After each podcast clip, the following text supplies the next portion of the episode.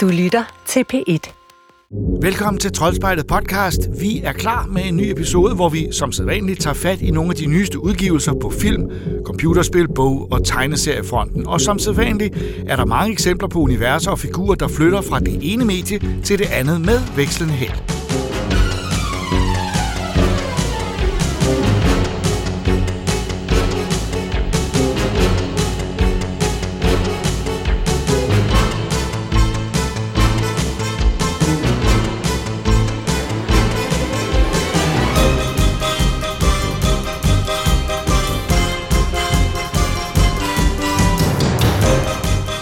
Da de kanadiske Moldenhauer-brødre i 2017 udsendte deres helt specielle håndanimerede computerspil Cuphead, blev det hurtigt en succes, især måske blandt folk med hang til ældre tegnefilm fra starten af 30'erne, dengang amerikanske korte tegnefilm var fyldt med vilde idéer og nærmest bevidst mangel på logik og moral. Især filmene fra Fleischer Studios, men også tidlige Disney-film og andre studier i tegnefilmens allerførste gyldne år. Tanken om en tegnefilmserie bygget over spillet er oplagt, og nu er det blevet virkelighed på Netflix, hvor de første 12 episoder af The Cuphead Show netop har premiere. Mugsy, what we need is a little fun and adventure. Con evil. Cuphead, I'm not so sure. You know what I do when I'm not so sure? I double down. What does that even mean?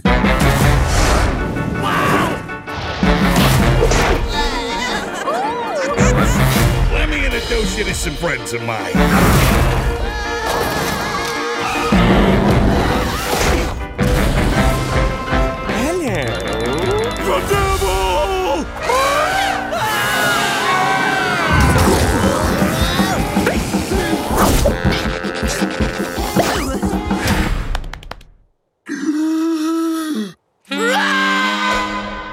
Og vi har set det sammen, mig og Troels og Regitte, og øh, det er jo det er virkelig nostalgisk. Ja, det må man sige. Det, det, jeg- vil faktisk øh, gå så langt til at sige, at øh, en ting var, spillet ramte jo fuldstændig den Ja. der gamle æstetik. Ja, man følte, man spillede med en tegnefilm fra 30'erne. Ja, og det har jeg, synes jeg i den grad også, de har fået videreført hertil. Selv med, med øh, øh, hvad hedder det, introkortene der, introkartsene, hvor der står titlen på episoden, hvor de har, altså noget af det må være fjolletekst, der står nede under, øh, tænker jeg, fordi at i gamle dage, der stod der alt muligt om studien, der havde animeret det og sådan noget. Det, jeg ved ikke, om det stod der også her, men altså, alt muligt sådan noget små tekst. Altså, der, står, der stod, i de allerførste tegnefilm fra 30'erne, stod der faktisk meget lidt om, hvem der havde lavet dem. Og Ja. det var først senere, når fagforeningerne krævede det, at folk fik deres kredits på. Der stod egentlig bare tegnet af den og den. Og Fleischer-brødrene var især notoriske til ikke at skrive andre end sig selv på. Nej, det er smart. Så det, det, det, det, jeg tror, det de har ville ramme er stemningen, ikke også? Og, og, og titelskiltet er der fra starten, og temasangen, Ja. og øh, øh, det er selvfølgelig underligt, at det er 16.9, Hvorfor det? Fordi det skal jo selvfølgelig være i 4.3. Men jeg kan godt forstå, at de siger, okay, vi er, øh, vi er i 2022, øh, og det synes jeg også, man kan mærke, fordi det er ikke, det er ikke en gammel tegnefilm. Nej. Det er en ny tegnefilm øh, med gammeldags øh, æstetik. Ja, jeg, jeg, har, jeg havde, altså, der, de har, i spillene øh, er der mange gange, hvor de har brugt, øh, hvor de har filmet nogle rigtige elementer, nogle ægte elementer. Der er blandt andet en, øh, en boss fight ude i Saharas ørken, hvor man kan sådan se en, øh, en øh, pyramide, der, der drejer rundt i baggrunden. Og den pyramide er sådan set ægte, som de har filmet med kamera, og så har de fyret de her to elementer ind bagpå. Det har de også lidt af her tegne, tegneserien her. Som jeg synes er meget sjovt, at øh, jeg lader mærke til, at den, øh, de bor inde i sådan en, en, en øh, tekande, og første gang du ser den tekande i allerførste afsnit, der er det en fysisk tekande, de har filmet. Men jeg lagde så mærke til de to næste afsnit, der er den bare tegnet. Jeg ved ikke helt, om, de sådan, øh, om det er bare noget, de plotter sådan ind lidt her og der, men det er ret sjovt, det kan jeg godt lide. Det giver den noget, noget stof. Det er detaljer, kan man ja. Ja. sige. Interessante detaljer, men plottet som helhed, altså hvordan er det som tegnefilm egentlig? Jamen, jeg sad og tænkte på, jeg synes også, det så fantastisk ud. Det er så lækkert at se på, den her animation. Men jeg føler også, at jeg har set alle de her historier før i de gamle tegnefilm fra 30'erne.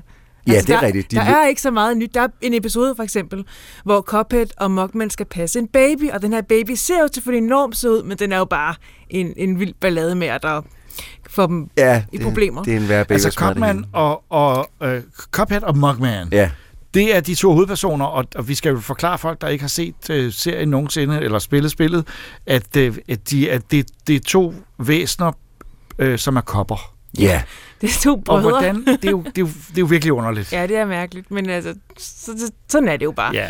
Ja. Og de, bliver, de bor hos deres øh, bedstefar, vil jeg tro, det er. Der er Ja. en gammel kedel. Ja. Ja. Og så for ved et uheld, øh, de skal egentlig male et, øh, et hegn, men øh, de tager i stedet for i Tivoliland, og, for, og Cophead han får øh, ved et uheld øh, halvt solgt sin sjæl, sjæl til djævlen. Ja. Ja, det er den første episode, ja. og den afslører jo, at der i det hele er lidt af det der mørke. Der også var Ja. nogle gamle tegnefilm, hvor de sådan pludselig var inde i et spøgelseshus eller noget i den stil. Der er det der, og, og djævlen er superskurk, og det er han i første episode, og det er ret fantastisk, men han, han øh, var ikke med i Nej, de næste par Det episoder, vi så. mig. Jeg synes, i den første episode, der var der den her djævel, og han fik suget sjælen ud, og alt blev trist. Ja, den havde det noget af det her virkelig- mørke. Det var, virkelig uhyggeligt. det var virkelig skummelt, og tænkte, ej, hvor fedt, den har den her lidt, øh, den er lidt edgy, eller den, den har sådan lidt kant, ikke? Men, men det forsvandt lidt i afsnit 2 og 3, synes jeg. Ja, så det- var det mere familieunderholdning, øh, sjov og ballade. De kører, de kører øh, nærmest nogle antologiafsnit, men jeg ved, at djævlen han vender tilbage senere. Det er en overhængende storyline, Der er de 12 kører. episoder Ja. i den første batch her, og der er to, tre, to sæsoner mere i produktion, så det, vi Det er ender nok nok. på 36 episoder i alt. Øh, jamen, det, det er helt klart, at øh, plotsene er øh, øh, fritstående. Der er ikke en, der er ikke en stor øh, sådan story arc i moderne øh, øh, forstand.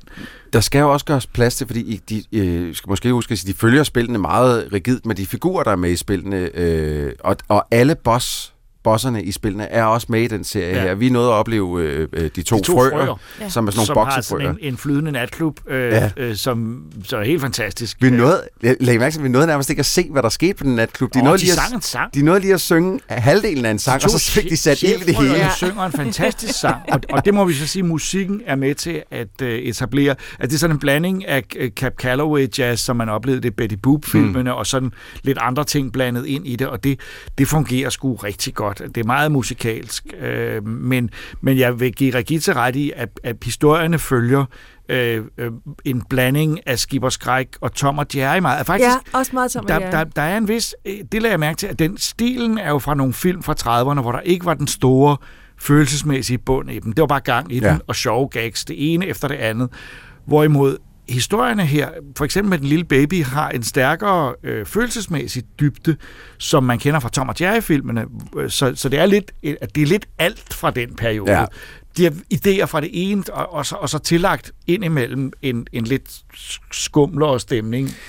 Ja, men, fordi nu, men ikke rigtig hele tiden. Ja, fordi Regit, nu sagde du, at første afsnit var sådan meget mørkt med djævlen og sådan noget. Det er det baby-afsnit altså også, fordi lige pludselig, da babyen viser sig at være altså et helvede, øh, og smadrer hele huset, så går den jo nærmest hen og bliver horror, hvor alt lyset bliver slukket inde i den der, og babyen sådan uh, fiser frem og tilbage, uden man rigtig kan se den. Jeg sad sådan og tænkte, Jesus Christ, det går fuldstændig bananas. Den der kedel, gamle kedel, øh, tager en økse op og vil angribe øh, den stakkels baby. rigtig. der. De forsvarer sig jo mod Ja, ja, det den lille gør de. baby. Ja. Altså, den, den, den, den veksler helt vildt øh, mellem øh, mange forskellige historier og Ja. mange forskellige måder.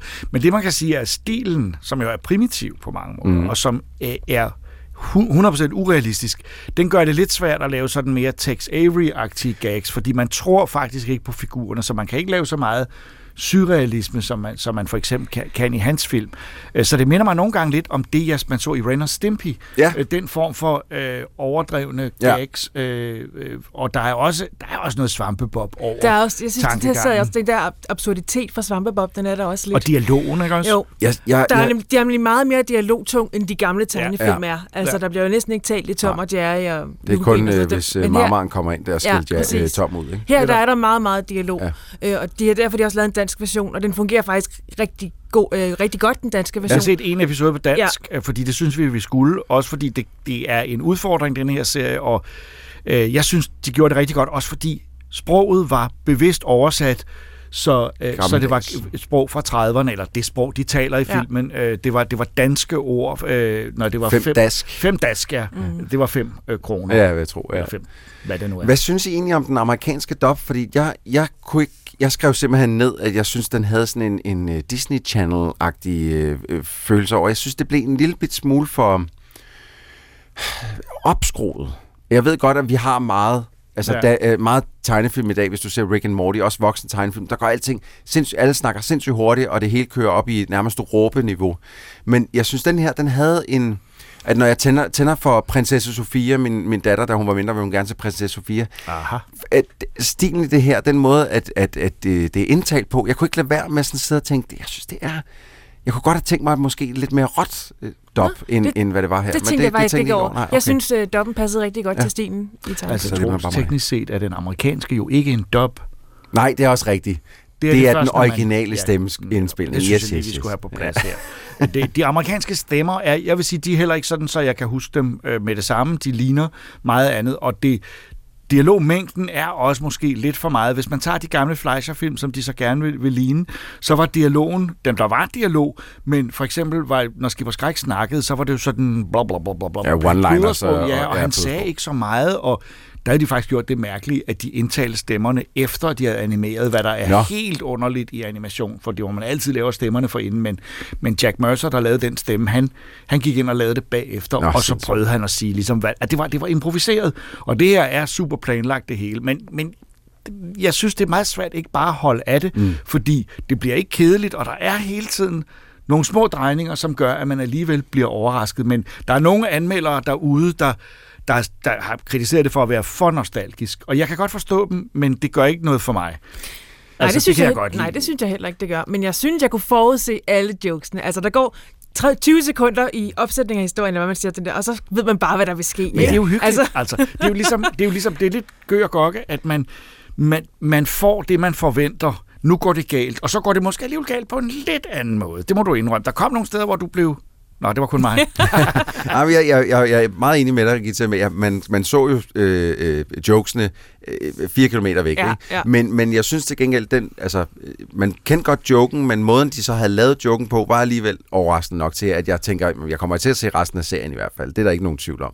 Øhm, og og jeg, jeg, der er også mange af de skurke, som er med i spillene. Der er blandt andet sådan en stor øh, øh, en kvinde, øh, som øh, bliver til en flyver og alt muligt andet, Ja, som jeg glæder mig sindssygt. meget højt, ikke? Ja, som Ja, jeg ja. glæder mig helt sindssygt til at se i serien. Altså, der, der er mange ting, Så du som- sidder som spiller og siger, at det her... I, faktisk er, det, er, er der jo tale om en ret vellykket filmatisering ja. af et spil. Det er Ja, noget, vi ja. sjældent ser. ja, det Ja. er meget Og, sjældent. og der, der er, der er deciderede sekvenser i, i, i, øh, i afsnittet her, som, som er decideret ins- inspireret direkte, altså hvor de hopper over øh, savklinger, der kører rundt og sådan noget, og man tænker, jeg vil egentlig også gerne spille det der. Ja, der er nogle sekvenser, hvor det er sådan lidt øh, spidsrodsagtigt, som, Ja. man, som et platformspil, man kommer igennem. De kommer igennem noget, hvor Ja. man egentlig godt vil flytte på dem. Men på den anden side, her kommer de helt skinnet igennem, og det er jo Ja, det skulle jeg faktisk til at sige, at, øh, det er at lidt nemmere. spillet, spillet gør det svært for en at holde af det, fordi det er så sindssygt svært. Det her det er lidt nemmere at holde af øh, fra the get-go af, fordi at det, man kan bare sætte sig ned og se det. Men noget af det folk i udlandet, jeg har læst, har spurgt om, er, hvem er den her serie for?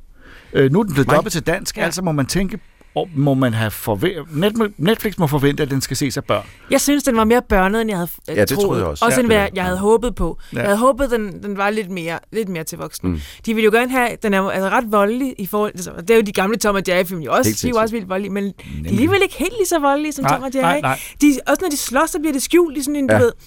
Det er så det er også en stor det bold, der kører rundt. Det er lidt forsigtigt. forsigtigt. Ja, ja. De tør ikke helt gå ud i den der ultravold, som Nej. jeg faktisk havde Nej. håbet på, de gjorde. Nå, men altså, det, det, det, det, det, er det, altså det, hvis det skulle være itchy og scratchy, ikke også? Øh, øh, øh, Jo. Så, så, så, så vil der være kommet blod ud, ikke også? Ja. Øh, men, men det er det selvfølgelig ikke. Men jeg, jeg, det, jeg, jeg synes også, at den savner måske noget af det. Men, men den, den har også spillet meget på, tror jeg, at være, være naiv og og lidt øh, og hyggelig, men jeg tænker stadigvæk på, om den er for børn eller ej. Jeg synes, det er svært at vide, om den er for børn eller voksne, Altså- øh, eller om det virkelig er en klassisk begge dele. Den kan familien se sammen og hygge sig med. Jeg siger bare lige hurtigt, altså deres hoveder er jo koppe med mælk i, og man må gå ud fra, mælken det er hjernen, og der er altså mange gange, hvor at de vælter, og mælken spiller ud over det hele. Ja, så jeg siger bare, altså der er meget, hvor man kan sige, they got their brains blown. Ja, men det, men det er jo et mærkeligt koncept at have en kop, øh, øh, og, og jeg synes, de udnytter det indimellem til nogle gags. Ja. Øh, der er et guldfiskegag. Øh, Ja. øh, øh, Det var Og næsten en det kanon, eneste. Kanonkugle, Er det det som... eneste? øh, Ja, der fandt også en kanonkugle. Er der også en Ja. kanonkugle, Ja. der faldt ned i? Men altså, jeg vil så sige det på den måde. Øh, øh, vi har set øh, tre episoder nu, og øh, fordi den havde premiere netop som vi lavede det her Yes. i podcasten.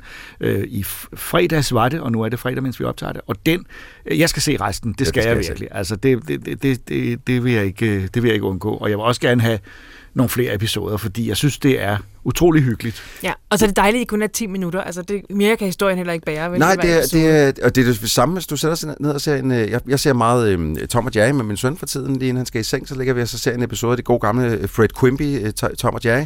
Det var ikke Fred Quimby, der lavede Nej, det ved jeg godt, du har sagt. på. Det er forfærdeligt at høre.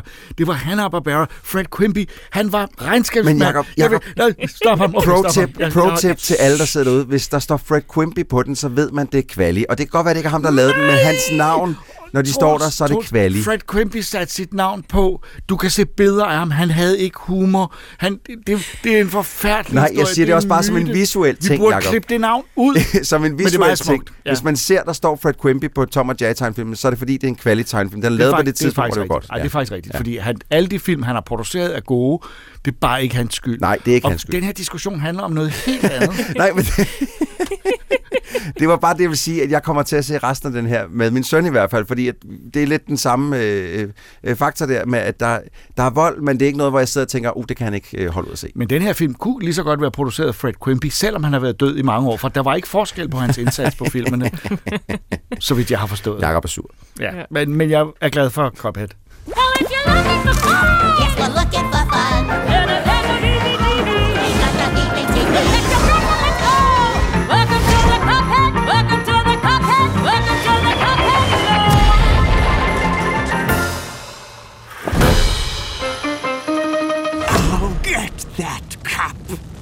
Herb? Oh, shut up! I det nyeste Pokémon-spil skal vi tilbage i tiden, og det er en af de mest legendariske Pokémon, der er i centrum. Christoffer og Benjamin har prøvet det nye Pokémon Legends Arceus til Nintendo Switch.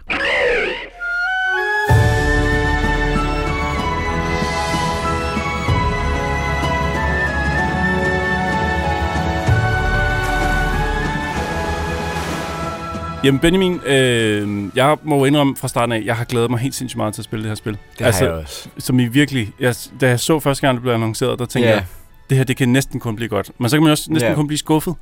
Må jeg ikke høre fra starten af, hvad, hvad, hvad er dit sådan, overordnede take på det her? Altså, jeg glædede mig enormt meget til det her spil, men var også meget bange for, at det skulle blive udgivet, fordi at øhm, øh, det er jo ligesom det, det Pokémon-spil, som ligesom gør mest for at være noget nyt. Ja. Altså, altså det, det er helt nyt.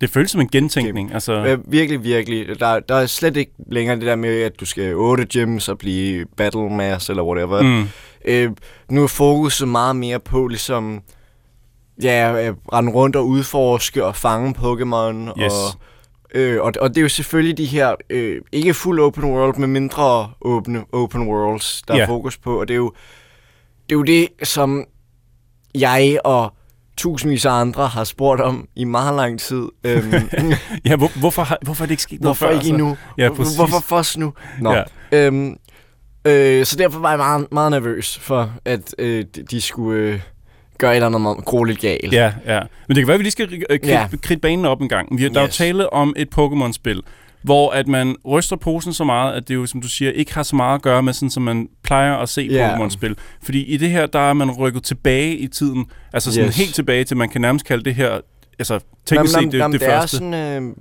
me- medieval, sådan Japan-agtigt, lige præcis. Øh, det foregår. Og det er, det er en tid, hvor at alle er sådan usikre på Pokémon, og mange er bange Ja. for Pokémon, og Jamen. der er ikke rigtig lavet et register over det, altså, så man skal ikke tænke, at der findes et Pokédex. Det er faktisk ens opgave at være med til at danne det første Pokédex. Jamen det er det, og, og før har det der med at lave Pokédex, så ligesom er sådan en, en sideting.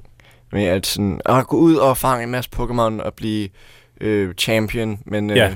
Og så kan du også lige fange Ja. alle Pokémon. Og hvilket egentlig er sjovt, fordi man siger, gotta catch them all. Det er jo egentlig ikke Ja. det, spillene har handlet om før. Det handler om at have Nej. det stærkeste hold, og så vinde nogle emblemer og komme videre. Ja, ja, og så og- og kunne det- du også finde alle Pokémon. Og det er ligesom faldet mere og mere ud af fokus gennem tid, som der også er kommet flere Pokémon, og det er blevet mere uoverskueligt at fange ja, dem meget, ja. ja. Øhm, øh, øh, men så her, der, der er det fokus, og, og der, det kræver mere end bare, at du fanger Pokémon nu, for Ja. at du, det er completed. Det kræver ikke meget mere. Mm. Men, men det kræver, at du fanger måske mere end en, eller slås mod dem et par gange, Ja. ser dem bruge nogle forskellige typer angreb og så videre. Ja. Og, og det giver en dybde, øh, øh, føler jeg, øh, uden at det bliver sådan for meget, Ja. man skal gøre for at få en Pokémon ind i Pokédexet. Øh, og og jeg, jeg synes, det er virkelig sjovt bare at løbe rundt og fange Pokémon og så videre. Jeg synes, det kan godt blive sådan lidt det samme, hvis man ja, gør det for meget. En, en lille smule. En men, lille men, smule. Men de første, jeg vil sige i hvert fald, ja, lad mig sige 10 timer, Ja. der var jeg egentlig faktisk rigtig godt underholdt bare af det nye gameplay. Bare Jamen, at det løbe det. rundt og prøve at fange og udforske, og, øh, Ja. og også fange den samme Pokémon flere gange. Det skal man Jamen, jo det gøre. det. Fordi det er ikke nok bare at se en Pokémon, eller fange den en gang. Du skal ligesom fange den, og du skal også observere den, gøre nogle ting, og du skal, Ja, ja. Ligesom, du skal ligesom blive klogere på, på hver enkelt Pokémon. Og, og, og det at fange en Pokémon har jo også ændret sig nu. Altså, Fuldstændig. Før var det jo, du render ud i noget græs, Ja. og så kommer der en Pokémon, Helt og så random. slås, slås du med den, og så fanger du den. Ja. Øhm, nu, øh, altså til at starte med, du kan bare kaste en Pokéball lige med det samme. Altså, Ja, du kan se den på afstand. Den står det foran dig. De står foran dig. Du kan løbe hen til dig, og de reagerer anderledes på dig. Der er nogen, Ja. som der løber væk fra dig, andre som sådan lidt nysgerrige går sådan hen til dig. Og... Der er også nogen, der bliver vrede og angriber træneren. Ja, ja. Altså, i stedet for at angribe din Pokémon i en kamp, så angriber den direkte altså, træneren. Ja, ja, ja, og altså nogle af de her angreb er måske sådan bare meget basic, sådan de løber hen mod dig, og så skal vi lige hoppe til siden. Mm. Men, men, jeg, men jeg følte nogle gange, når jeg løb igennem et område, hvor der var en masse aggressive Pokémon, så var jeg sådan, ej, jeg tror lige, jeg løber et andet sted hen. Ja, fordi at, ja, der kom slimbomber og sten og alt muligt efter mig. Ja. Øh, øhm, Eller man løber ind i sådan en kæmpe, kæmpe stor Pokémon øh, ja, med en, røde en øjne. alfa, en Ja, alfa der, ja. det, det er også. Øhm, så, så der er ligesom, der, den måde, man går til at fange en Pokémon varierer. Ja. Øh, og, og også, altså, de tidspunkter, man er, der er en day-night cycle, Ja. øh, og der kommer forskellige Pokémon ud, baseret på om dag eller nat. Præcis. Så det er sådan, øhm, verdenen føles næsten levende. Ja, og nu siger du næsten, Øhm. fordi folk har jo håbet på et, op- et regulært open world, Ja. GTA eller Breath of the Wild. Ja, Breath of the Wild. Øhm, og det er det jo ikke, hvis Nej. vi skal være helt ærlige. Der, der, er jo, der er jo en hovedby, hvor man rapporterer Yes. til, og hvor, hvor, hvor Og tingene så- sådan udspiller sig fra. Ja. Men når du går ud af den hovedby, så skal den altså loade, og så giver den dig et område, som er ret stort, men Ja, ja. Ikke, ikke gigantisk. Nej. Men et stort, åbent område, hvor du kan få lov til at, at være på. Men du skal, for hver Ja. gang du skal til et nyt område, så er det ligesom et nyt kort, Yes. den skal finde frem til dig. Og det, det, det har jeg egentlig ikke så meget imod, øh, personligt. Det, som der, der går mig mest på, når der angår det her open world og sådan noget, det er, de, de er virkelig grimme alle sammen. Ja, du mener grafikken, også? Grafikken er- Altså, ja, lad mig lige være helt, helt klar og tydelig. Jeg synes faktisk, at, at artstilen er ikke forfærdelig. Nej, nej. Jeg kan egentlig meget godt lide den måde, det ser ud. Men, Ja. men udførselen, der er Ja, rigtig, rigtig meget, hvor der at... er Øh, virkelig meget pop ind. Ja, præcis. Og lad os lige kort forklare det. Det er jo, når du, når du skynder dig gennem et landskab, så begynder for eksempel Ja, træer, ja. træer og sten og vand og bjerge og sådan noget, det begynder sådan at poppe Ja, ja. ind, fordi den kan ikke rigtig sådan load det ja, hurtigt den, nok. kan, den, loader dem ikke frem fra en vis afstand, men den afstand er bare meget kort. Meget kort, ja. Og især Øhm, når du får og- fat i et dyr, du kan ride på, Ja, og du ja. rider med høj hastighed gennem det, landskabet. det er så... Det er som om, at den simpelthen ikke kan følge med. Ja, og og- det er, jo, det, det er jo ikke Switchens skyld, føler jeg, Nej. fordi et af de første spil, vi fik, var jo Breath of the Wild, som klarede det rigtig fint, og, Og vi har jo senere er- fået gode spil, jo. oven i købet. Ærligt talt, jeg synes, det er et af de flotteste spil, sådan bare punktum. Altså sådan, Ja. Breath of the Wild er ekstremt flot. Og det har jo en, en artstyle, der minder meget om, om mm-hmm. den Mhm. her, der er i Pokémon, ikke? Den her sådan lidt anime-agtige... Øh, Ja. øh, øh, øh, og, og jeg synes virkelig, det, distraher, det er distraherende. Det er, Fordi at, det er ikke godt nok, kan man Nej. sige. I forhold til, hvor mange penge, at øh, sådan noget som Game Freak Jamen, jo det, burde det. have. Altså, man, man kan ikke bare bruge undskyldningen, at det er et lille firma, eller whatever. Mhm. Mm-hmm. Det, det, øh, og, og jeg synes, nogle gange, så ser det fint nok, Mhm. mm-hmm. men jeg synes rigtig, rigtig, rigtig, rigtig ofte, øh, har jeg det som om, jeg spiller en alfa, Mm. mm. eller en beta, eller whatever. Ikke? Det, det, det, det er ikke, fordi jeg synes, det er sådan specielt glitchy eller buggy. Det, det har jeg egentlig rigtig op- oplevet noget af, men, men det er bare, det, det ser ikke færdigt ud. Mm. Øh, selvom det er sjovt at spille. Ja. Og så er der måske også, for min smag i hvert fald, lige til den, til den, den ene side er for meget øh, snak. De Øhm, første, ja. første 10 timer, der synes jeg godt nok mange gange, at jeg sidder så sumpet lidt hen i, i samtaler. Ja, jamen, jeg- og, og det er jo fair nok, fordi det er jo også lidt et nyt univers, vi skal ind i, og man skal forstå, hvordan de her ting hænger sammen og sådan noget. Men jeg har bare så meget lyst til at komme ud, Jamen, det ud det. i græsset og, det- og fange nogle Pokémoner. Og, og, nu er det ikke for at øh, sammenligne det for meget med Breath of the Wild også, men, men Breath of the Wild er jo ligesom det perfekte eksempel på, hvordan man, man, man laver en tutorial, Mm. ikke? Altså, fordi at der har man hvis man ikke har spillet det af en eller anden grund. Hvorfor har du ikke spillet det? øhm, øh, der starter man jo på øh, øh, nærmest et mini-open world, Ja. øh, hvor man så øh, får nogle missioner, hvor at, at det føles egentlig ikke som om, man spiller en tutorial, men man, men man lærer spillet hen ad vejen. Ja, ja, ja. Her, der er det... Åh, oh, Der bliver snakket meget. der, der bliver snakket, du får at vide, og så kan du kaste en pokeball. Ja. Og hvis du var usikker på, hvordan man kaster en pokeball, Ja. så siger vi lige til dig igen. Ja, men også bare hele, Og- hele snakken ind i byen, hvor Det man skal det. møde, møde lederen af holdet, og møde Ja. de andre fraktioner, og møde... Altså, der er mange, man lige skal Øhm. sådan møde og snakke med, og... Ja, det, det, Ja. på den måde, der bliver det en men, lille men smule så vil jeg alligevel sige, jeg synes faktisk meget, at dialogen i det her spil, det, det har en charme. Ja, det er Der, hyggeligt. der er flere gange, hvor det fik mig til lige at... Ja, ja, altså sådan... Øh, ja. Det er hyggeligt, der er Ja, bare virkelig. rigtig meget af det. Ja. Øh, og så hvis vi er ved det negative, og jeg lige skal la- lave en lille krølle, så synes jeg nogle gange, at menuerne også drillede mig lidt. Altså for eksempel, jeg vil gerne crafte nogle nye pokeballs, så jeg Ja. åbner min taske og ser, når man her lægger mine pokeballs, men knappen til at crafte var ikke der. Ja. Den var så over Mm. i sådan et eller andet øh, sådan et sæt, man har, hvor man kan crafte, Yes. som ligger i en anden menu, og så skulle man åbne, hvad vil du gerne bygge? Jeg vil gerne bygge pokeballs, hvor mange vil du bygge? Det blev bare sådan, ah, kunne man ikke have gjort det lidt mere strømlignet? Hmm, Jeg synes ellers, at, øh, at UI'en og, og sådan har været meget, meget, meget fin. Er det rigtigt? Jeg, jeg, jeg kan faktisk godt lidt se, hvad du mener. Når Og så, når, du når, når, man løber ude i det høje græs, og man har fuld fart på, så, så mindes jeg i hvert fald, at nogle gange har manglet en lille radar eller et kort nede i hjørnet, Ja.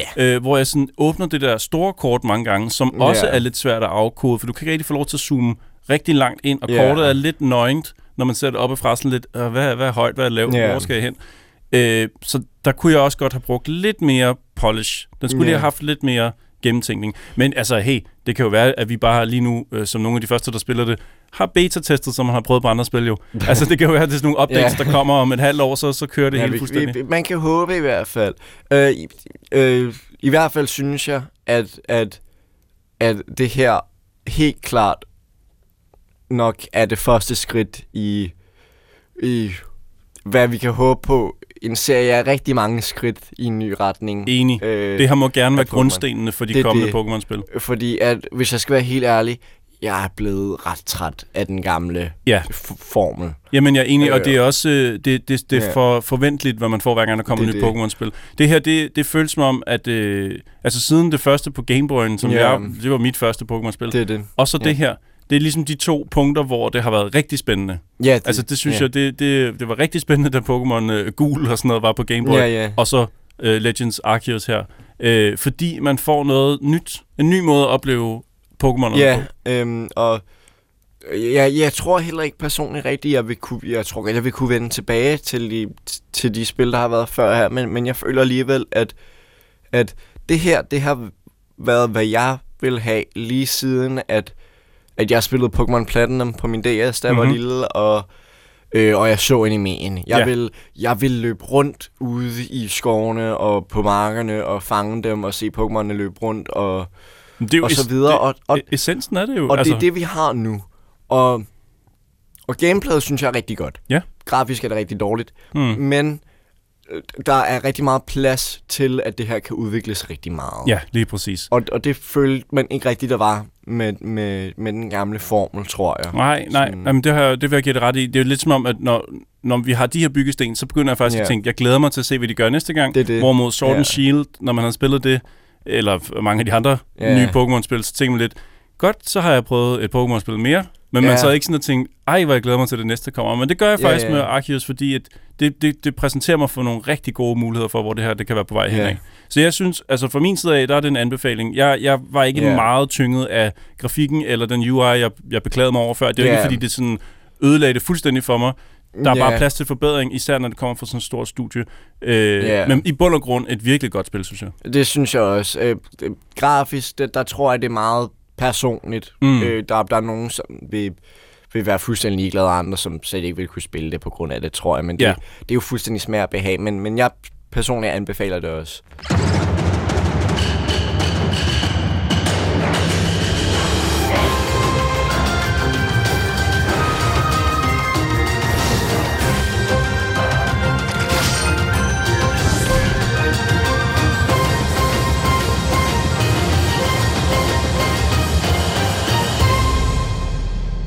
Vi lærte første gang krigeren Alloy at kende i spillet Horizon Zero Dawn fra 2017. Hun skulle overleve i en postapokalyptisk verden, hvor jordens dyr var erstattet af drabelige maskiner, og undsluppen ondskab skulle bekæmpes. Nu er udviklerne Guerrilla Games klar med en efterfølger, Horizon Forbidden West, hvor Alloy endnu en gang står over for en ondskab, der kan knuse hele verden. And the machines are out of control.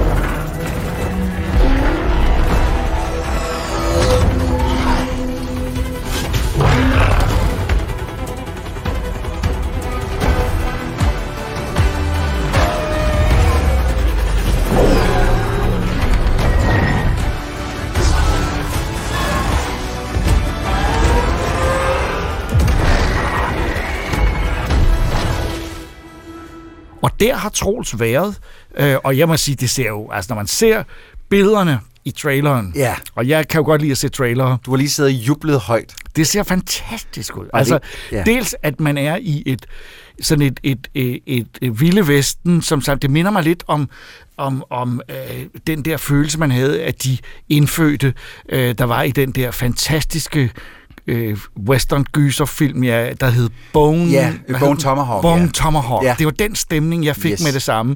Bare større og flottere, og så er der dinosaurer, eller er de mekaniske? Jamen, de er mekaniske altså. Men de er meget flotte. Ja.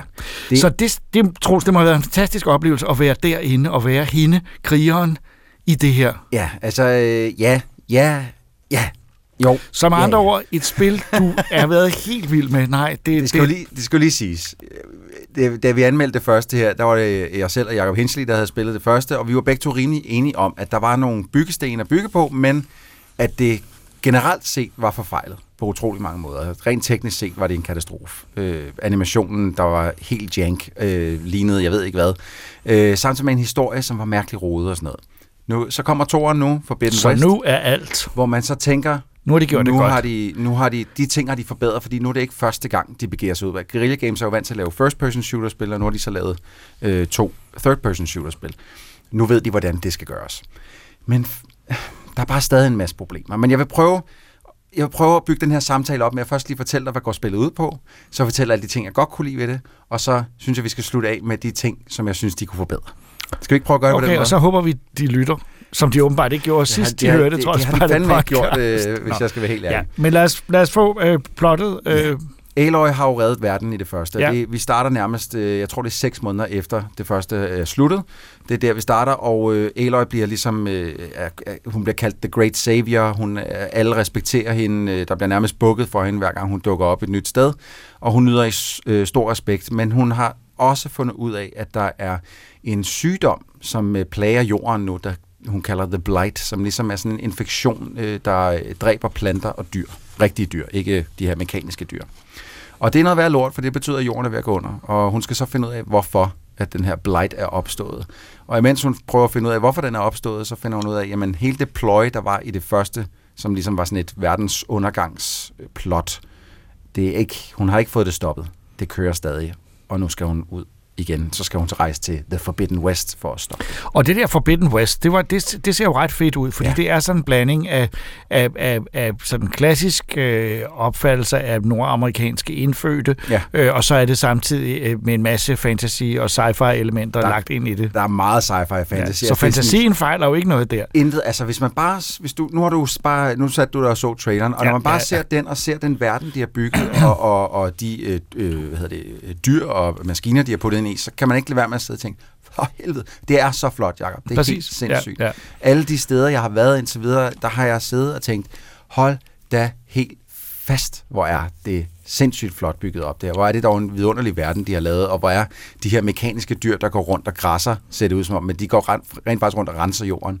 Øh, øh, hvor er det dog virkelig opfindsomt, altså. Det er mm. virkelig, virkelig flot, og det er fedt, at man kan gå hen og over, man kan overtage, hack de her dyr, så man kan ride på dem, øh, så du kan komme hurtigere fra A til B. Men du har ligesom allerede spoilet, at du ikke synes, at det er særlig godt.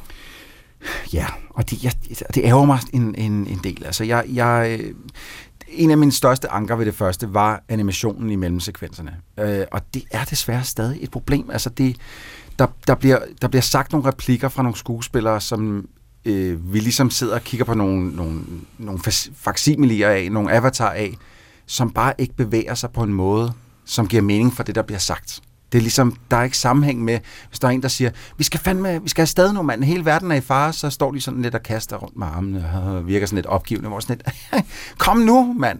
Vi, vi har i, prøv, i en del af Sony Studios, I, I, I har Santa Monica, som har lavet The Last of Us og Uncharted-spillene, som er mesterligt mocappet. Hvorfor er der ikke blevet taget nogen erfaringer derfra og sige, okay, lad os prøve at gøre det på den måde, de gør det. Men når du kommer forbi det, det er jo kun mellemsekvenserne, du Men taler om. der er så mange af dem. Nå, okay. Der er så mange historiesekvenser, fordi du kan hele tiden rende ind i en lille, øh, en lille by eller et eller andet og stå og snakke med nogen.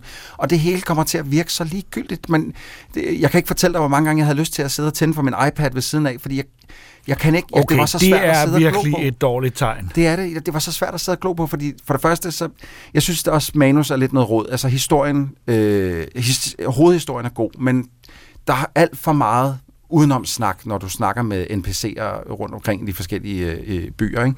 hvor det er sådan lidt, jamen så står min bror derovre, han faldt ned fra et stilas i forkors, og nu har han ondt i armen. Kan du ikke gå ud og finde nogle planter, som...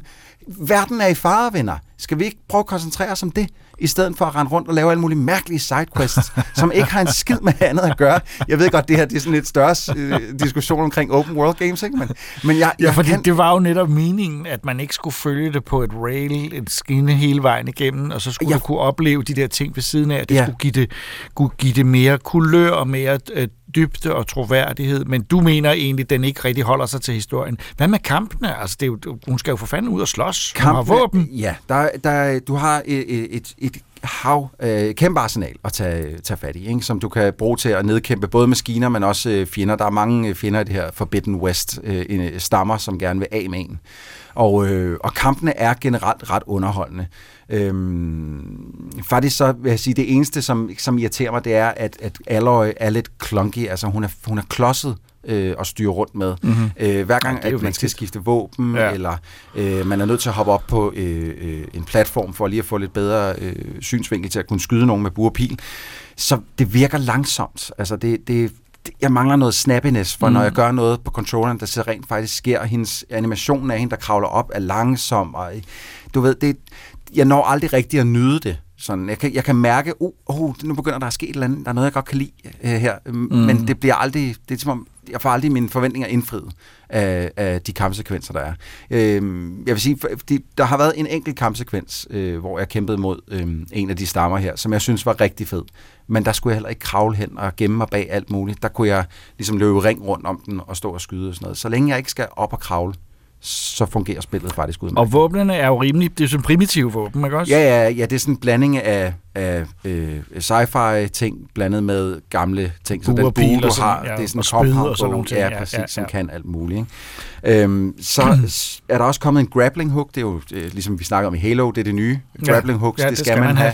Ja. Øh, som øh, gør det lidt øh, nemmere at komme fra, øh, fra ned fra, øh, øh, fra jorden op på en eller anden bygning, for eksempel, så kan man bruge sin grappling hook. Og den er også bare super langsom. Altså igen har det ligesom, det, det, det er som om, de bygger sådan en unaturlig klodsethed ind i det, hvor man sådan lidt, "Hvor- hvorfor skal det være sådan her? Og så kommer jeg til at tænke på de gamle Killzone-spil, som også er Guerrilla Games, der har lavet dem. Og så var der ligesom, der faldt mønten ligesom, okay, de kan ikke finde ud af at lave andet end noget, der føles tungt. Det, det skal føles tungt, det kan de godt lide. Mm-hmm. Mhm. At det er sådan, det er ikke alt for, for smooth på en eller anden måde, for glat. Og det passer jo ikke til den figur her. Det synes jeg overhovedet Nej, ikke. det kan, altså, det kan jeg sagtens se. det her, det er jo meget øh, øh, den måde, øh, man, man platformer på her. Sådan noget. Meget, jeg sidder også og spiller øh, øh, Uncharted 4 for tiden. Vi skal snart se filmen øh, og anmelde den her i podcasten. Øh, så det sidder, jeg sidder og spiller Uncharted 4 lige nu, og når man spiller som Nathan Drake, der kravler, den oplevelse er lysår foran, hvad vi får her i, øh, i The Forbidden West. Og det synes jeg altså er irriterende. Og i betragtning af, det også er et, forholdsvis dyrt spil. at Du har spillet det på... Jeg har spillet det på PlayStation 5, det er ja. Det, det er udkommet til. Det kunne også godt få det til PlayStation 4, men jeg vil våge at påstå, med, den, øh, med de grafiske forbedringer, de har lavet, det er næsten ærgerligt at, øh, at spille det på PlayStation 4. Men faktisk er din anbefaling, at man slet ikke spiller det. Det, det, nu ved jeg, øh, at der var rigtig, rigtig mange, der rigtig godt kunne lide det første. Øh, så hvis man godt kunne lide det første, så er det andet helt sikkert også noget for, for en. Altså, jeg, jeg kunne ikke lide det første overhovedet. Det her, det kan jeg marginalt bedre lide. Jeg kommer til at spille det her øh, lidt mere. Så altså det, du siger, er, at hvis man var, så bort, ikke havde de indvendinger, du havde mod øh, det første Ja. ja. spil, så vil man heller ikke have de samme indvendinger Det her. tror jeg ikke, nej. Godt. Det kan jeg ikke Men det er jo en meget klar øh, øh, meddelelse. Øh, alle andre vil du sige, at det her er en skuffelse, og det må man sige, skuffelser opstår, når man, øh, når man stiller noget i vente, og traileren, som jeg har set, ja. den lover rigtig meget. Det gør den. Horizon Forbidden West, PlayStation 5 og 4 i nødstilfælde, øhm, Ja. Og ikke andre steder. Nej, det er øh, eksklusivt på PlayStation, så, øh, så det er der, man skal, man skal have det. Whatever comes, I will be ready. Fra en postapokalypse skal vi over til en anden. De polske udviklere Techland er tilbage med en opfølger til det rimelig populære zombiespil Dying Light, hvor man skulle bruge parkour til at transportere sig rundt i byen Haran. I Dying Light 2 Stay Human hedder byen nu Vildor. Vi er i 2036, og det ser ærligt talt ret sort ud.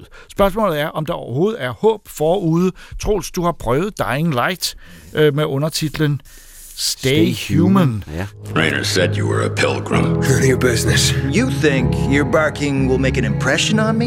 Did you know a girl named Mia? Mia? No. Who's Mia? She's my sister. Promise you'll never leave me alone here. Never. I won't leave you. Swear. I don't have to. Not him, no! Long time ago, Waltz hurt her. He took her from me. And I want him to tell me where she is. Øh, øh, vil det sige, at der er fare for, at man ikke... Ja, man, er blevet, man bliver bit i starten af spillet. Øh, man har ellers, man, man, øh, ham Aiden, han er sådan en, øh, en pilgrim, kalder de dem, og det er dem, som, det er mennesker, som bevæger sig ude for øh, de sådan ellers lukkede bymure øh, ude i det fri, og altså i stor fare konstant og hele tiden.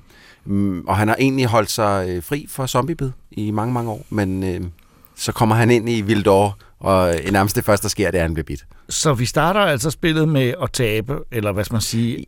Ja, det kan man Men er det så nogle fordele at være zombie?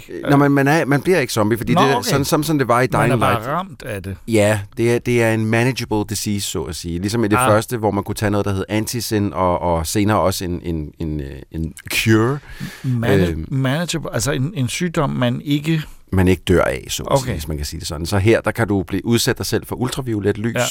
og så kan du øh, tage sådan nogle boosters, som gør, at du ikke... Øh, Og det er bare noget, man fornemmer, man skal, eller man... Nej, det, det får man at vide rimelig hurtigt. Okay. Fordi det, man er langt fra den eneste i den her Vildor, som er blevet bit og lever. Så har man, får, man, får man sådan en, et, et, et, et, nærmest et armbåndsur, hvor der er en, en masse LED'er på, og når alle LED'erne er grønne, så er alting godt. Hvis de begynder at blive mere og mere røde, så er du i gang med at skifte over. Så man har simpelthen en health bar om, om armen? Ja, det kan man godt sige. Det er ret interessant. Ja, det er meget Det er sjovt. lidt anderledes i Ja. hvert fald. Det er jo at indop- indoperere noget, vi ellers kan være irriteret over på skærmen, som en del af spillet. Ja, øh, jamen ja, det, det kan man sige, men det bliver ikke, det bliver ikke rigtig brugt som en, en spilting. Altså Okay. det, det sker en gang i, at man skal hurtigt skynde sig at finde noget, men det, der, hvor det, det bliver brugt til, det er, at du, du får faktisk en, en ting frem på skærmen, hvor der siger, hov, nu har du cirka 6 minutter tilbage, du kan bevæge dig i mørket, inden at du begynder at skifte, så, så skal du finde noget UV-lys, ikke? Øh, rimelig hurtigt. Så.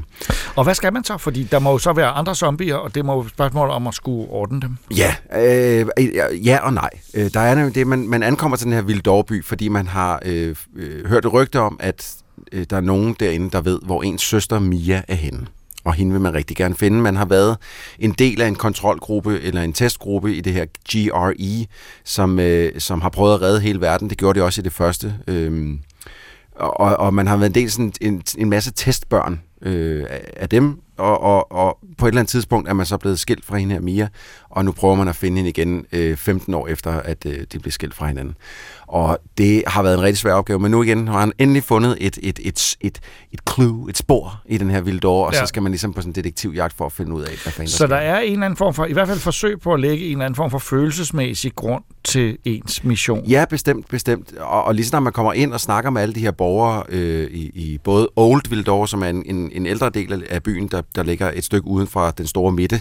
Øh, når man snakker med, med, med beboere i Old Vildor og i, i Vildor, man, man bliver sådan rimelig hurtigt investeret i dem. Altså, man har lyst til at være sej og, og hjælpe dem. Øh, og man kan hele tiden vælge mellem, vil man gerne hjælpe civilisterne, eller vil man gerne hjælpe PK's, som er peacekeepers, som er sådan øh, politistyrken. Det lyder Øh, suspekt. De er, de er også lidt nogle dumme svin. Ja. Ja. Jeg kunne ikke, jeg, nogle gange så følte jeg, at jeg var nødt til at hjælpe dem for at få historien til at komme videre øh, på den måde, jeg gerne vil have, men, men det var ikke med min gode vilje, fordi de er, de er lidt nogle svin. Hvem repræsenterer de?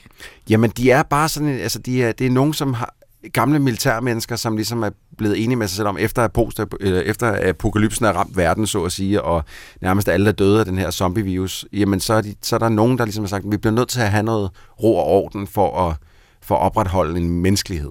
Ja. Øh, og det er ikke alle, der er enige i det, så der, det er sådan lidt Det der parkour-element, ja. Altså, er, det stadig vigtigt i spillet? Helt sindssygt. Altså, det, det er måden, du kommer frem og tilbage på. Øh, det er både med, med zipline selvfølgelig, og frem og tilbage i byen, Mm. men det er også... Øh, øh, hvad hedder det, der, de installerer nogle gange sådan nogle, øh, hvad fanden er airbags øh, ned på jorden, hvor du så kan hop oven på sådan en, og så siger den, "Gugung!" og så bliver du smidt op på et tag, og så kan du løbe videre derop. Og det, det handler meget om, ligesom, hvis man spiller ligesom jeg gør i hvert fald, at ligesom få, få komboet alle de her moves sammen til en, et langt, hurtigt stræk, så du kommer så hurtigt du overhovedet kan fra A til B. Fordi at, igen, der er også sådan en, der er, solen går både op og ned i det her spil. Det er ikke sådan, at der bare er én setting, at nu er det solskin hele tiden, og så skifter der i i en mellemsekvens, så er det lige pludselig mørkt. Solen går op og ned, og når solen er gået ned, jamen så øh, skal man selvfølgelig kigge på sit ur, så at sige, fordi at du kan skifte til zombie når som helst, hvis du ikke er inden Så er for det vel mørkt.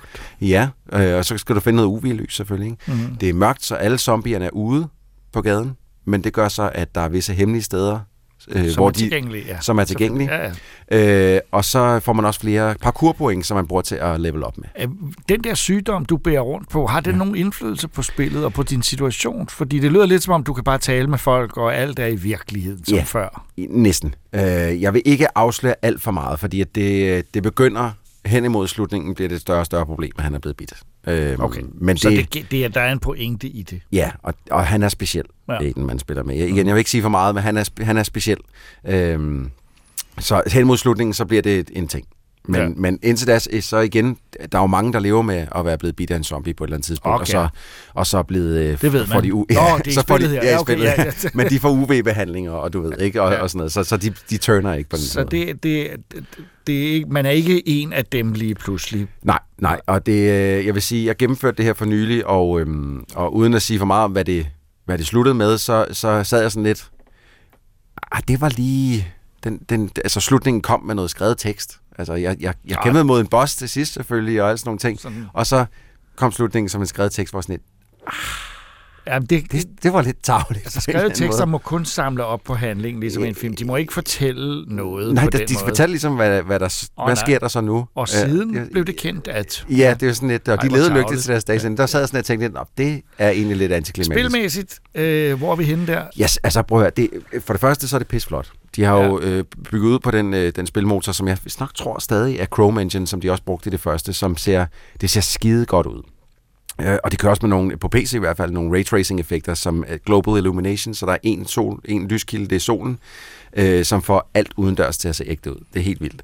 Og så er den her, den her Vildor, de byggede, som ligger et eller andet sted i Frankrig, vil jeg tro. Det lyder sådan. Ja, øh, de, den, det er bare en rigtig flot by, som de har, øh, du ved, overgroet med, med træer og græs og mos Ja, og alle ja, steder og sådan noget, og det har de gjort rigtig, rigtig fedt. Så jeg, jeg altså, øh, det tog mig et stykke tid at gennemføre spillet, fordi at jeg tit bare gik på opdagelse. Ja. For jeg vil se, hvad ligger der Men herovre, er hvad det ikke herovre? noget af det bedste ved et spil, at det har den ekstra kvalitet? Øh, eller Jo. er det lige meget her? Nej, det synes jeg i den grad, fordi for eksempel hvis jeg sidder og spiller et, et andet open world spil, som for eksempel GTA 5, der har jeg ikke så meget lyst til at gå på opdagelse, fordi at alt ser ud som det, jeg kender. Nå, Hvor ja. at her, Der der, er der noget er det, øh, og det ved du jo, fordi vi har siddet og kigget på YouTube-videoer af forladte byer, Ja, ja, ja. øh, at øh, jeg er lidt Jamen, fascineret af sådan noget. Forladte byer er noget af det mest fascinerende, der kan være. Der er nogle YouTube-videoer fra virkelighedens øh, øh, i Østeuropa, forskellige steder, hvor man har, hvor der altså indtil har boet folk indtil en gang i 70'erne eller 80'erne. Var det den der Kaukasus der? Ja, netop, og så var der ikke mere end,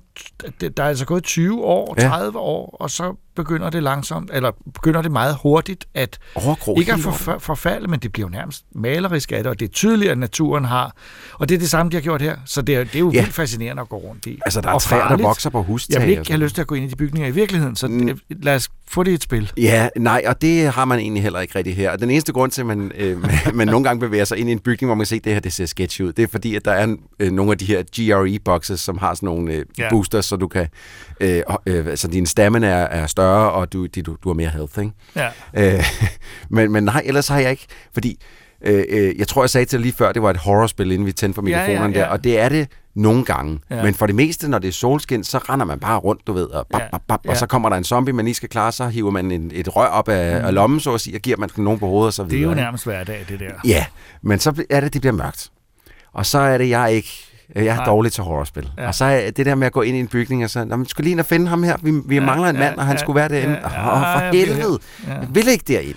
Hvad hedder det? Øh, du, du siger, det ser rigtig godt ud. Ja. Animationerne, parkour skulle være rigtig gode animationer. Super, super Ja. fede. Altså, det, det er svært at lave første persons parkourspil. Ja, det er det. Man, vi har set det blive gjort i Mirror's Edge, Ja. øh, hvor det fungerede ok. Og Det var da et fedt spil. Det var det et super, spil. super godt spil, Ja. især visuelt også. Ja. ja. En, en helt klar stil, de havde der.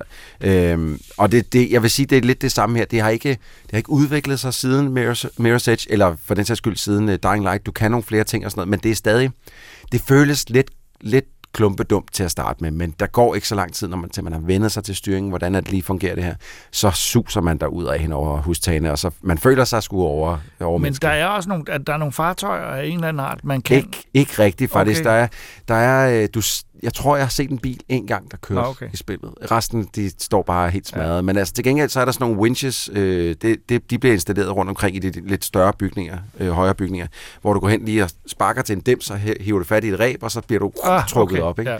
Der er, I det hele taget er der ret mange af sådan nogle sjove ting. Øh, De, de installerer også sådan nogle store luftpuder. Jeg tror, det er luftpuder, hvor du så løber ind i dem. Der, der, der kan du være mega højt op på en bygning, så løber du ind i dem, så griber han fat om den, falder de her 30 meter ned, lander oven på den her luftpude, puff, som så går i stykker selvfølgelig, Ah. men man kommer ikke selv til skade. En, øh, en airbag for folk med højdeskræk. Så at sige, ja. ja øh, og, og så nogle er der rigtig mange ting, de ligesom har bygget ind i, som gør det nemmere for en, et menneske, der kan parkour at komme rundt i byen. Og der er ikke noget af det, hvor jeg sidder og tænkt, at det her det er lidt fjollet. Har du sagt det allerede, eller hvordan nedlægger man zombierne? Jamen det er øh, med øh, ting, du sætter sammen. Stålrør, der bliver sat øh, et, et skærft på, og så noget skarpt. Så altså hjemmelavet våben? Ja, det ser i hvert fald sådan noget. De, du samler dem for det meste bare op. Øh, Det er ikke noget, du selv laver, men så kan du så modificere dem med noget elektrisk, sådan så de sender lyn ud, når du slår, eller, eller du kan sprøjte ild på dine øh, fjender med, med, med alle de der våben der. Der er ikke rigtig, du kan godt lave nogle skydevåben, sådan nogle makeshift skydevåben, øh, og skyde med, men ellers er der ikke rigtig nogen skydevåben med. Det er mest øh, hånd, øh, hånd til hånd. Det synes jeg lyder meget utrygt. I, altså jeg vil sige, i et zombiespil, der må der godt være nogle våben. Så det, det... Du kan få en buerpil. Er det nok? Ikke til mig. øh, men, øh, men alt i alt, Dying Light 2 øh, i forhold til etteren, og som spil generelt. Øh, jeg, historiemæssigt øh, ikke helt lige så velfortalt, som jeg synes, etteren var. Øh, på trods af, at det også var lidt klumpedumt, så er det her også lidt klumpedumt, men historien er ikke helt lige så god. Øh, men, men spilmæssigt, gameplaymæssigt, der er det meget bedre, og, og jeg synes, det er her, der er du ikke i tvivl om, altså, du har ikke så travlt, fordi jorden er gået under. Jeg ved ikke, om du kunne huske, at vi snakkede mm. om om, om historien i Horizon Forbidden West, hvor det er sådan lidt, jamen, vi har lige fået at vide af, Aloy, jorden går under, altså lige om lidt, jeg skal skynde mig, men alligevel så tager jeg lige 17 sidequests. Det giver ikke rigtig nogen mening. Her, jorden er gået under. Så her kan vi tage alle de sidequests, vi har lyst til, fordi der, vi skal ikke rigtig skynde os. Og det kan jeg godt lide. Så der er ikke nogen Så på, på, for dig er det en, en, en anbefaling? Kæmpe anbefaling. Ja. Øh, om det er på PC eller på Xbox og Ja, for den er til alle platforme, og det forlyder også, at der skulle være en Switch-udgave på vej. Den tror jeg ikke, jeg kan anbefale, når den kommer. Men lad os nu se. You understand nothing. A little boy wants to pretend he's a grown up. A precious little boy.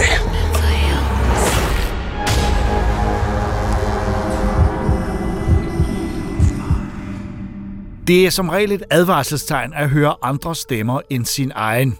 Og det er det bestemt også i Den som visker, den danske fantasyforfatter serie Volters romandebut, som er første bind i en ny fantasy-trilogi.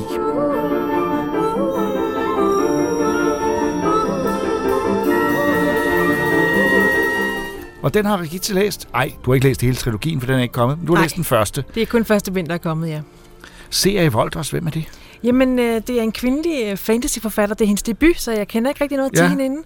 Øh, Men det er en virkelig god debut. Det må man sige er meget lovende. Øhm, øh, fantasy, det er jo mange ting. Ja. Øh, øh, fortæl lidt om det univers, for der må jo være, et, der må være bygget en verden her. Det er der jo altid. Ja, det er en slags stærk fantasy, og det er nok det, man vil kalde new adult nu. Det er en 19-årig hovedperson. Øhm, en kejserdatter, der hedder Chiroin, som øh, verdenen er, den, den er sådan en lille smule gammeldags japansk, men den foregår i et fantasyland, så det er ikke et sted, der findes. Det er ikke Japan, men, Nej, men, det er ikke men Japan. der står her, det hedder Ødelandet. Ja, det er... Hun får en livvagt, der, der hedder Kiel, fra, som kommer fra Ødelandet, som er elsalvianer, så der er mange forskellige raser også i det her univers. Elsalvianer. Ja, det er en slags... De kaldes også blodædere. Han er en slags vampyr, helvede. men ikke rigtigt. Han har sådan nogle spidse tænder og gule øjne. Blodæder. Blodæder. Det er et godt ord. Ja, det er det. Jamen, jeg mener, der var noget i den græske mytologi, var der nogle blodædere, som man senere har sammenlignet med vampyrer, men der er lidt forskel på, at de som, at tage det som suppe. Nå, okay. Han Øh, spiser også almindelig mad, vil jeg lige sige. Ja, ja, godt, Men godt. han øh, har meget skarpe tænder. Men altså, i det her univers har vi en hovedperson, og Ja, det er Chiron, som er, som er kejserdatter, og stærkt utilfreds med øh, sin far, som er kejser. Hun planlægger faktisk næsten øh, hver dag, hvordan hun skal myrde ham, så hun selv kan overtage tronen og blive kejserinde. Øh, brutalt. Hun, meget uhyggeligt. brutalt, ja. Og det, øh, hun har så den her stemme inde i sit hoved, som er en slags orm, kalder hun den, der lever inde i hende. Hun kan mærke, at den snor sig rundt inde i hendes krop, For- og hun kan så helvede. høre den viske. Og den visker ikke rare ting. Den, øh, den visker som regel sådan noget med, at øh, alle andre er idioter, hvorfor dræber du dem ikke, overtage magten, flå struben ud, struben ud på dem, og sådan. Altså, lidt og det er derfor, ting. bogen hedder Den, som visker. Ja, for den visker til hende. Og der er også billedet af en slange. En meget, meget flot, enkel forside Det på er den her roman. vildt lækkert. Jeg er jo en sokker for, når man farver siderne på den Ja. her måde. Åh, de er også, ja, på så kanten, de er, ja. den er helt rød, bogen, Ja. over det hele. Hvorfor er du det? Det kan jeg godt lide. Jeg Ja, synes, ja, men- det er så luksus. Jamen, jeg synes, det er så luksus. Der er noget lækkert over det. Ja, det, det, er jo, synes en- jeg. det er jo ikke en uh, indbundet bog, det er, det er en, uh, det er en paperback, Ja, ja. ja. paperback. Uh, men den er, den er meget lækker, det kan jeg godt se. Men altså, hun har en orm inde i sig, der taler til hende, Ja. og i virkeligheden sviner alt og alle til, og vil have, hun skal gøre skrækkeligt. Så det er ikke hende selv, der vil dræbe faren. Det er det jo så også, fordi hun, hun er rigtig irriterende. Det er en af de mest irriterende hovedpersoner, jeg længe har læst om. Hun er, hun er sådan rigtig forkælet, teenage-agtig, magtbegærlig. Øh, hun, hun er bare sindssygt irriterende, og så har hun den her øh, stemme ind i hovedet, der hvad hun skal overtage. Og man er sådan lidt, okay, hvor går grænsen mellem hende og den her m- mærkelige orm, der, der så det bor er i ikke hende? noget med, at ormen er ond, og hun er god, og de slås om Nej, det. og det er faktisk super dejligt, fordi hun er, hun er ikke lige så ond som ormen, vil jeg så sige, men hun, hun, er ikke god, hun er ikke en god hovedperson, og det er faktisk fedt, at man læser om en, og den er, den er jeg-person, ikke? Ja. så man er inde- i hovedet på en, der, der faktisk ikke er særlig sympatisk. Så hun udleverer sig selv i virkeligheden, fordi hvis hun skriver som jeg skriver, hun ikke jeg er u- øh, usympatisk. Nej, nej, hun er jo, synes jo selv, hun er Det fantastisk. er det, men du Og hun- opfatter hende som meget, meget, Ja. og det er meningen. Og hun synes jo selv, hun er meget klogere end andre, og hun kan faktisk ikke rigtig så meget. Hun er, hun er, øh, øh, man tænker, hvordan skal hun nogensinde kunne styre det her land? Fordi hun ved ikke rigtig noget om noget. Men hun synes selv, hun er fantastisk, og det er jo en start altid, men hun har selvtillid. Hun lyder som den perfekte svindler, altså hun kunne blive en con-woman, Ja. hvis, hvis hun tror så meget om sig selv. Øh, og så, hvordan er det at læse? Det er jo, det er jo ikke, altså som alle fantasy-romaner er vi jo, er vi jo øh, ud over 100 sider her. Den 500. er på 500 Ja, den er sider. på 500 sider. Øh, øh, hvordan udholder man, og der er også et kort med, kan jeg se til sidst, som alle fantasybøger skal have et ja. kort over der, hvor vi er henne. Øh, hvordan udholder man at læse om en person, man, øh, man ikke kan lide? Jamen, fordi hun, stadigvæk, fordi hun stadigvæk er vildt fascinerende. Øh, og jeg, jeg vil godt følge hende, og så udvikler hun sig jo selvfølgelig hen over bogen, så man bedre kan lide hende. Altså, jeg synes stadig ikke, hun er skøn, men øh, jeg, kan, jeg kan godt lide at følge med hendes oplevelse. Jeg synes, hun er fascinerende. Men det lyder som om, at der ikke er så meget handling, når hun bare går rundt og, og planlægger de her... Nå, det, ja, men det er jo kun i starten. Okay. Det, den her øh, sådan orm inde i hende øh, får det sidst overtaget, og så slår hun sin far ihjel. Og nu har du spoilet Ah, men det. sker ret hurtigt i Okay. bogen. Øh, og så den her livvagt, hun har fået, Kiel, som er den her El Salvianer, Ja. øh, tværger hende troskab, og de flygter så, øh, efter hun har slået faren ihjel. Hvorfor er hun nødt til det? Fordi man vil... Fordi hun, hun, hun skal hen og overtage... Øh, hun skal simpelthen og vise de andre, der er jo en masse lande, de har med nogle andre konger, der skal overbevise, om hun skal være kejserinde. Okay. Og så er der samtidig også sådan en dommedagsprofeti, øh, der taler om krig om og et særligt våben, der skal vækkes. Og det vil hun finde? Ja, måske, eller også er hun det selv. Hvem ved, fordi hun har den her orm ind i sig. Det finder Som- man så først ud af i de næste to bøger. Vi må se, der, det er, den hedder Det Røde Daggry, og der kommer en to og en tre også, ja. Det gode, jeg, nej, nu siger jeg det gode, fordi der er mange gode ting med den her. Halvvejs inden, så bliver det pludselig rigtig, rigtig hæftigt erotisk. Nå, gud, så det er en fantasybog for voksne. Hvor cirka? jeg var cirka to, 251. 251, jeg slår straks op. Øh, Jeg vidste ikke, det her var, var sådan noget erotisk fantasy, så det var da en, lige- det var da en behagelig Det vil overraskelse. sige, det fortæller den ikke til Oh, der, jeg med. kunne se, der stod, der stod noget med romance Ja. ja. nederst bag, øh, bag Der står, den som visker er en blodig og dyster romance. Okay? Fyldt med hemmeligheder, mareridt og bidende kys. Ja, bidende kys. Men altså, hvor, hvor langt ude er vi her? I, i, er, den, er, den, er, den, øh, øh, er, er den upassende? Nej, den er da bestemt ikke upassende, Nå. for den er jo for voksne. Nå, det er det. Men Øh, jeg tænker, går den over stregen lige pludselig? Ah, men der, der, er, der er nogle ret saftige skildringer af, af akter. det er bestemt ikke noget, jeg har noget imod, vil jeg bare lige sige. Nej. Og den er også rigtig udpenslet i volden. Den er meget voldelig, og der Ja. sker nogle drab, der, hvor man næsten tænker, nu bruger du for mange tillægsord, Cecilie Ja. ja. Wolters, fordi Ja. ja. den er for... Hun hedder Cecilie Wolters. Ja, den er for, øh, ja, for blodig, og den, den bliver næsten klam, nogle passager. Det var unødvendigt. Det ved jeg ikke, fordi det, det kan jo godt være, være fedt at læse, at det er så detaljeret. Lige jeg har, kan nogle gange synes, det er sådan lidt for, for voldsomt, men det er jo bare mig. Jeg ved godt, at nogen elsker det, og det men det er, super, hun er super god til at skrive. Men det er meget sjovt, fordi forsiden øh, øh, øh, det ser meget øh, øh, poetisk ud, med, selvom der er det der slange, så den røde forside og, og nogle blomster, det, det antyder ikke, at det er så forholdsvis råt, som Nej, det, som det, som Det narrede også mig, det det narrede også mig, både med det erotiske og med den der udpenslede vold. Men jeg synes, det var en fed overraskelse, og jeg synes, det var en, en spændende bog at læse. Så Den som visker, er altså første del af en trilogi af C.A. Wolters, øh, ny dansk øh, fantasyforfatter, som vi, øh, som Rigitte siger god for, øh, udgivet af forlaget Ulven og Ulen, og som øh, ved man noget om, hvornår de næste kommer. Jeg tror, at toeren er planlagt til slut 22, måske start 23. Men, øh, men øh, er, er det sådan, man sidder og har mange, mange spørgsmål efter etteren her? Altså ja, det er jo kun begyndelsen på en historie, okay. men den er jo selvfølgelig forholdsvis afrundet. Ja. Men øh, en anbefaling fra dig til Den som visker af C.A. Wolters? Ja.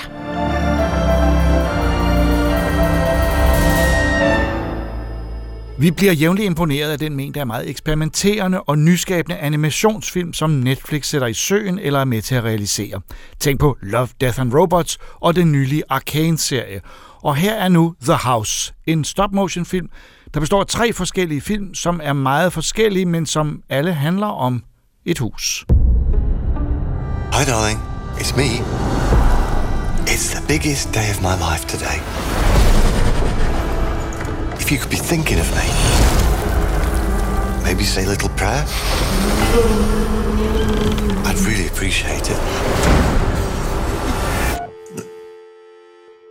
Det samme hus. Ja, selvfølgelig. Huset. Huset er identisk i alle tre film, men ellers er der ikke rigtig nogen sammenhæng. De foregår i tre forskellige øh, tidsperioder, tror jeg. Og uni... Og, Det ene er, at den første historie er, øh, da huset er ældst af de tre ja, det historier, bliver tror bygget jeg. i den første Ja. historie. Det Og- bliver bygget til en familie. Jamen, skal vi lige kort fortælle, hvad de Ja. ja. der handler om? Ja. Den første historie hedder And, And Within a Lie is Spun, og handler om en, øh, en relativt fattig familie, hvor faren han bliver hånet af sine, sine ældre slægtninge, fordi at han er fattig. Øhm, og så er han sådan frustreret og ender i en, en brændert ude i en skov, hvor der kommer sådan en, en mystisk karet og, sådan, sådan, og snakker med ham. Og så viser det så, at han har fået tilbudt et hus, mod at han ligesom flytter fra det gamle. Det er sådan Og det en, siger en, han. en, en aftale med djævlen, Ja, nærmest, ikke også? Fordi men- det hus, det er jo fantastisk flot og stort, ja. Men det er også Så han tager sin kone og sin datter og lille øh, pige med, øh, en baby øh, pige med os.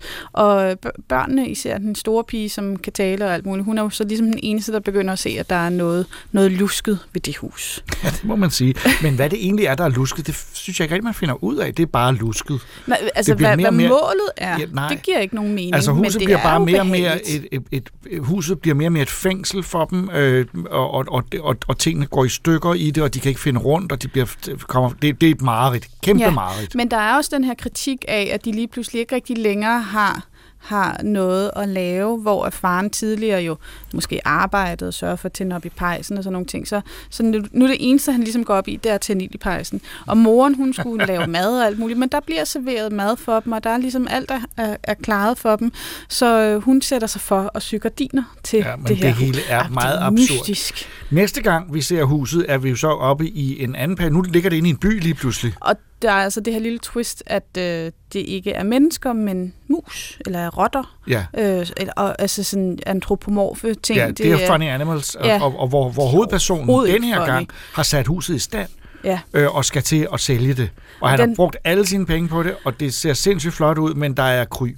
Ej, men det, det er sådan, jeg, synes, jeg, jeg kunne virkelig godt lide, det var min favorit af de her tre. Er det rigtigt? Ja. Fordi at han, øh, han er sådan en, en, han håber jo på, at hans lykke kan vende. Han har sat alt ind på at gøre det her hus smadret lækkert og renovere det, og det er Ja. state of the art, alt muligt, en smart ovn, og alt er styret med telefonen, og øh, jeg, jeg, kan, jeg kan godt se sådan nogle ejendomsmaler-typer men- for men- mig, som men- ligesom køber et lig, og så sminker findes, om det. det. Det er jo en helt naturlig ting, og for, for masser også af håndværkere at gøre det, og det, Ja. det, det kan lade sig gøre, man kan tjene store penge på det. Ham her kommer ikke til at tjene penge på det. Nej, det, det, det går rimelig galt. Jeg vil sige, det er måske ikke så meget hans egen skyld, eller er det? Og så er der så nogle ting, der viser sig med, han, han ringer til sin kæreste, når han er sådan stresset, og, sådan, og det får ligesom en form for støtte og opbakning derfra. Der kan man, man, man, man hører ikke rigtig samtalen, men er og så en viser kæreste? Altså, øh, Mm, nå, okay, Jacob, ja, ja, nu skal vi ja. ikke spoile for meget. Men Nej. den hedder Then Lost is Truth That Can't Be One. De Ja, har sådan nogle lidt specielle... Poetiske. Det, det, ja. det, er en, det er en irsk forfatter, der hedder Edna Walsh, Enda Walsh, der har skrevet det hele.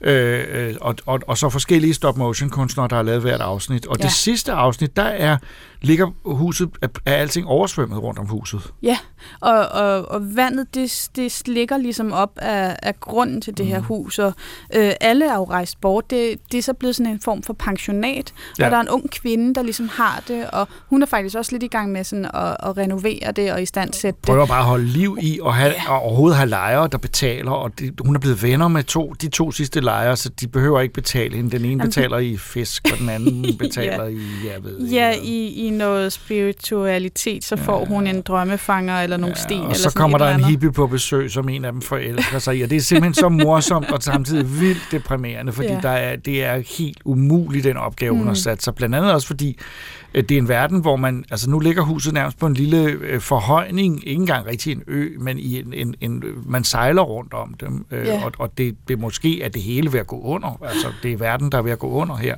Ja. Så det er meget deprimerende på mange måder, men jeg blev ikke deprimeret at se det, altså. Nej, ja, men det, altså, det, det er meget, altså, det fælles for dem alle tre, de er ret stemningsfulde, og, og fordi det er stop motion, og fordi det er lavet i, i det her, i meget af det i filt og sådan noget, det, det giver sådan en, en, en, en det bliver en- stofligt. Det, ja, det bliver meget stofligt. og det er bare smukt, og det er øh, stemningsfuldt, og det er lidt vemodigt nogle gange. Eller Det, det, har det her lækre filter, fordi at det er stop motion, som, som, som sætter det lidt Og meget imponerende relief. stop motion. Det, det er, øh, altså stop motion bliver jo bedre og bedre, kan man mærke. Og det kan jo blandt andet skyldes, at de ikke har computer til, og det kan godt være, at der er lidt computeranimation indimellem, det kan man ikke vide, øh, manipulering øh, efter og farvesætning og sådan noget. Men de har jo også øh, øh, øh, kameraer med, så de kan hele tiden se, om bevægelserne bliver gode eller dårlige, som man ikke kunne i gamle dage. Og det vil sige, de har en enorm kontrol, men der har brugt meget tid på det her. Det, Ja. det vil jeg sige. Det er, en, det er simpelthen så smukt at se på. Ja. Bare se på det. Ja. Så jeg vil sige, jeg vil nok se den en gang mere, og bare kigge på, på de der ting, nu hvor jeg ligesom har forstået, hvad der foregår. Det er lidt kryptisk, hvad der foregår, Ja. men, men, men på en god måde, synes jeg. Altså, det er jo ikke fordi, at der kommer sådan en stor forkromet øh, øh, løsning. Nej, der er ingen forklaring. altså, det, det er ligesom vente. bare sådan små nedslag i... Altså, jeg, jeg har sådan lidt... Det er, jo, det, er jo, det er jo nogle unge instruktører, som alle, alle relativt øh, uprøvede eller uerfarne, har lavet lidt forskellige ting. Øhm, og jeg har jeg tænker sådan, om de har fået sådan det her hus, så har sku, de skulle fortælle deres version af det her hus. Præcis. Øh, på, på, hvordan de nu end har haft lyst til at løse det. Jeg synes, det er, jeg synes, det er, en, det er en fed præmis. Altså lidt af, netop, som du siger, lidt af Death, uh, Love, Dead and Robots. Ja, fordi de ser visuelt meget forskellige ud, selvom Ja. det alle sammen er stop motion. Og det samlende er selvfølgelig, at manuskriptet er samme person, Enda Walsh, som har haft noget at fortælle om det, men, men så er det løst meget forskelligt, øh, rent udseendemæssigt. Det samles også lidt af musikken. Det er jo en af de store, der har lavet musik til det, Gustavo Santaolalla.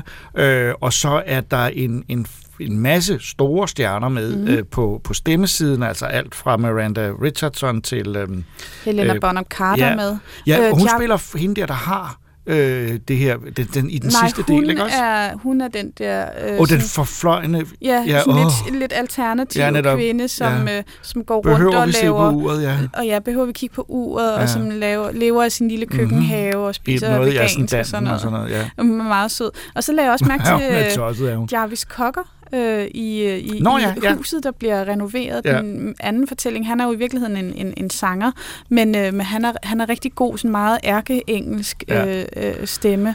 Så, så der er sådan nogle små, øh, små pr- øh, pragtpræstationer.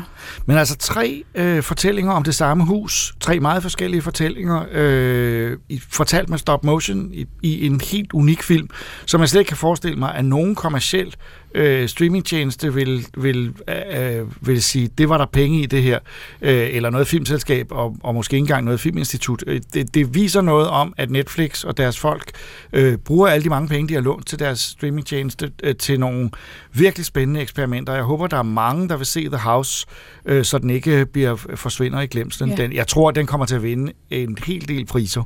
Jamen kan den det, når den nu er... Og det er jo ikke en spillefilm. Ja, den kan øh, vinde på øh, animationsfilmfestivalerne. Jeg tror, den kommer på Annecy. Jeg tror, den vinder Ja. en hovedpris på Annecy, gætter jeg, i festivalen her til sommer.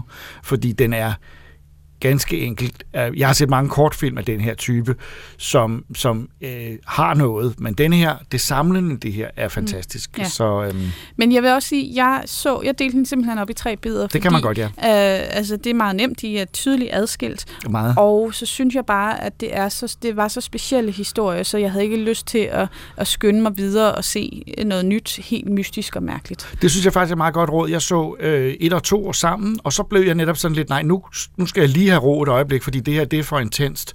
Øh, og så så jeg træeren til sidst. Så jeg tror, det er et rigtig godt råd. Se The House, som er øh, en Ja. film. Så hvis der var en kritik af det, er, jeg ville faktisk have foretrukket, at det havde været en serie med tre afsnit, som hed The House. For, fordi så havde det været naturligt at tage den der øh, øh, opbremsning. Altså mange binger, binger det jo alligevel, men altså, det, er jo, det er jo en mindre... Altså, Det er en mindre ting, og man Ja. kan som sagt selv bestemme det, og det synes jeg er et godt råd. The House på Netflix, øh, en stop-motion-film, er den type, man, man meget sjældent ser. Here we are. Uh, jeg skal lige huske at nævne, at uh, Enda Walsh faktisk også har samarbejdet med selveste David Bowie i uh, det teaterstykke, der hedder Lazarus, som er baseret på øh, en masse af David Bowies numre og nogle af de her personager, som han har taget sig igennem tiden. Det var noget, de arbejdede på øh, i årene, i tiden op til, at David Bowie han døde her for lidt over seks år siden. Øhm, det er faktisk aktuelt lige pt. på det kongelige teater, så øh, det synes jeg bare lige, at jeg vil nævne som øh, den vagthavende Bowie-fan her på redaktionen. Mm, det er nemlig rigtigt. Det vidste jeg godt.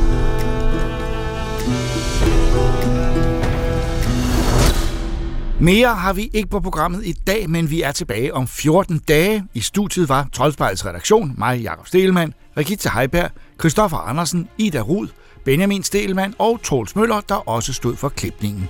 Tak fordi I lyttede med.